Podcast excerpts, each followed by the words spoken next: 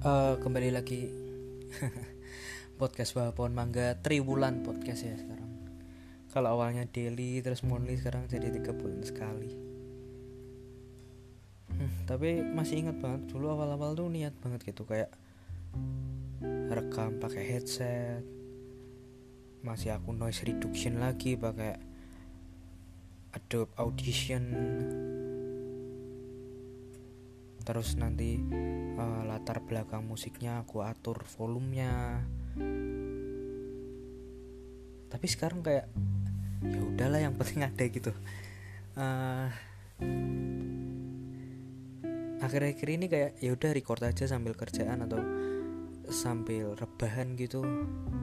Terus nanti back soundnya langsung dari anchor tanpa aku atur lagi seimbangin suaranya ya volumenya. Tapi salah aku denger denger gitu kayak apa ya kayak nggak nyaman juga sih. Jadi uh, ya aku ini berusaha bener-bener aku luangin waktu buat record. Terus ya meskipun tetap gak pakai mic tapi aku berusaha mengurangi noise di sekitarku nggak ketak ketik gak keludakan dengan kerjaan sendiri gitu. Um, ya ya semua bergerak dari ketidaknyamanan itu ketidaknyamanan pasti membuat manusia untuk bergerak. Katakan tentang apa ya ketidaknyamanan rasa lapar gitu. Kita pasti bergerak nyari makan nggak nyaman hidup sendiri bergerak nyari pasangan atau teman gitu. Ya kembali lagi bahwa ketidaknyamanan itu mendorong orang untuk bergerak ya. Tapi kan dari ketidaknyamanan itu sebenarnya bentuk perasaan yang apa ya dominan terhadap yang aku dengerin gitu. Di balik itu sebenarnya ada perasaan-perasaan lain kan kayak kurios kayak hmm, ngomongin apa sih ini gitu atau bahkan mungkin perasaan dominannya nggak cuman nggak nyaman gitu. Perasaan dominannya ada rasa bosan juga. Uh, kompleks ya. Kalau ngomongin tentang perasaan tuh kompleks banget. Gimana kita nggak bisa gitu mendeskripsikan semua perasaan yang muncul. Aku baru sadar bahwa nggak semua perasaan itu ya itu apa bisa diungkapkan dengan kata-kata.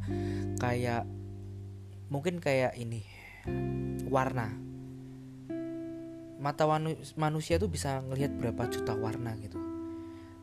Tapi apa yang bisa kita ungkapkan kan cuma warna-warna dominan yang kita kenal kan merah biru kuning. Ada warna-warna di tengah itu yang kita nggak tahu namanya atau bahkan nggak uh, punya nama.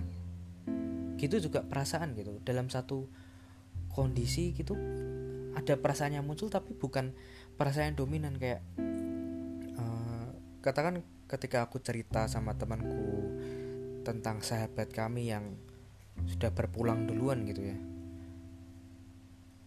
Itu ada perasaan yang muncul gitu. Kalau aku nyebutin perasaan dominan yang muncul ya kangen gitu. Tapi di bawah itu kan banyak hal-hal lain kayak sedih tapi juga ikhlas tapi juga uh, menyayangkan itu terjadi. Nah sebenarnya kompilasi dari empat perasaan ini tuh apa gitu? Itu perasaan apa? Aku rasa itu suatu perasaan yang berdiri sendiri deh.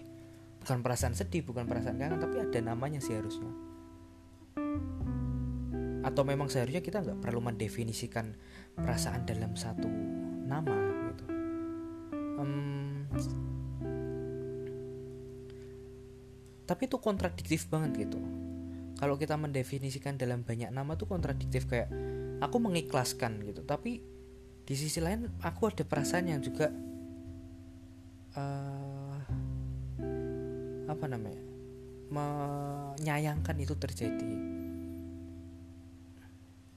Ini kan kontradiktif banget antara mengikhlaskan dan menyayangkan. Hmm, penting nggak sih sebenarnya kita harus tahu perasaan-perasaan minor gitu? Kayak katakan aku mau ketemu orang gitu. Deg-degan gitu. Uh, khawatir lah ya. Itu kan perasaan dominan yang muncul. Sebenarnya ada perasaan-perasaan minor lain yang muncul gitu kayak uh, aku takut mungkin atau traumatik sedih. Kok negatif semua ya? Uh, penasaran gitu bersemangat. Tapi masing-masing porsinya kan minor-minor itu. Yang yang paling gede yang dominan khawatir. Jadi ketika ditanya orang perasaan gimana? Khawatir. Hmm, perlu gak sih sebenarnya kita kembali lagi tahu tentang perasaan minor itu? Tapi untuk apa gitu?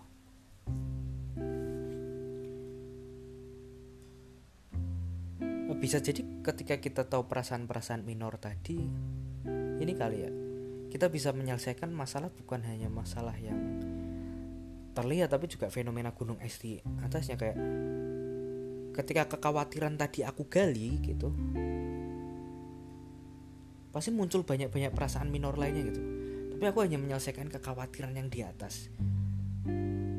Tentang penampilan lah tentang uh, ketidaktahuan gitu.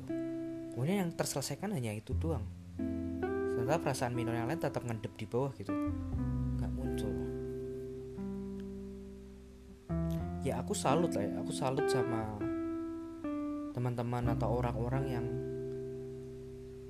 bisa mendeskripsikan perasaannya dengan tepat gitu. Kayak mereka tahu kapan mereka takut mereka tahu kapan mereka gembira mereka tahu kapan mereka sedih mereka tahu kapan mereka rindu kangen.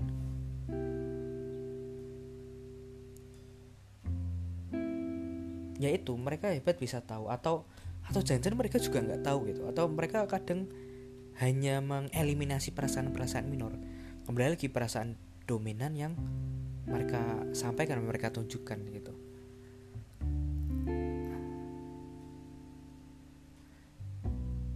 Ya ya mungkin kembali lagi bahwa perasaan tuh nggak perlu nggak harus di komunikasikan dalam satu kata atau satu definisi gitu.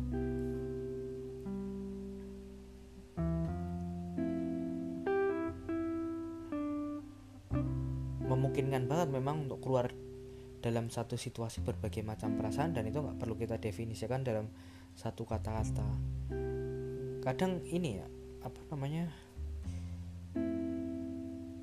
bingung juga ya manusia ingin mengeksplorasi alam semesta gitu ke galaksi lain ke planet lain ke Mars bulan gitu. Ke dalam lautan yang mungkin 70 bahkan 90 persennya kita belum tahu isinya. Tapi kembali lagi ke diri sendiri banyak yang ya nggak banyak sih mungkin aku doang yang sulit gitu mengdefinisikan perasaan. Jangan kan bicara memvalidasi lalu mengekspresikan aku mendefinisikan perasaanku aja susah gitu. Gimana aku bisa memvalidasi apakah aku benar-benar sedih penyebabnya apa lalu ekspresinya gimana? Untuk tahap awal mendefinisikan yang aku rasa aja susah. Gila ya hati manusia tuh misteri banget itu kompleks banget. Nggak tahu apa ini ada kaitannya sama mindfulness gitu ya. Bagaimana kesadaran atas diri sendiri mungkin perlu belajar itu juga sih ya. Uh, kalau dalam Ignasian sih ada latihannya latihannya namanya eksamen gitu. Belajar dari pengalaman sehari-hari memilah-milah roh katanya memilah-milah perasaan. Mungkin kepekaan-kepekaan itu memang perlu dilatih gitu untuk mendefinisikan apa yang kita rasa melihat kembali apa yang kita alami gitu ya kepekaan itu perlu dilatih. Tapi sekompleks apa pun perasaan kita sekompleks apa pun yang kita alamin berbagai macam perasaan yang timbul dalam satu situasi bahkan kita kembali lagi nggak bisa ngasih nama gitu ke yang kita rasain. Justru itu yang bikin kita uh, jadi manusia seutuhnya nggak sih? Bahwa ya perasaan itu muncul perasaan itu ada dan gelombang perasaan tadi wave-nya naik turunnya perasaan itu yang membuat kita seutuhnya menjadi manusia. Oke secara pemikiran secara program MediaTek atau Intel mungkin chipnya akan lebih cepat dari manusia tapi kompleksitas perasaan itu mungkin nggak bakal bisa direpresentasikan dalam bentuk teknologi uh, metaverse mungkin bahkan nanti kalau masuk ke Berg uh, bikin metaverse gitu aku rasa perasaan itu nggak bisa direpresentatifkan gitu hmm, ke dalam bentuk digital. Apa ya? Hmm, kimia mungkin ya kimia di dalam manusia yang hormonnya kita yang muncul itu nggak bisa tahu deh nggak bisa apa namanya nggak bisa didefinisikan tadi kan. Kompleks kompleks. Hmm, tuh kan aku bingung nih perasaanku aku bingung. Tapi kalau digali lebih dalam lagi perasaan lain aku juga penasaran. Aku juga takut kalian dengerinnya nggak paham yang aku omongin. Walaupun kayaknya memang dari awal udah nggak paham ya. Tapi ya itulah uh, perasaan yang campur aduk naik turun yang muncul berbagai macam itu justru menjadikan kita manusia seutuhnya. Oke itu aja sih uh, ocehan kali ini. Thank you buat yang udah dengerin. Kita ketemu di episode selanjutnya. Dah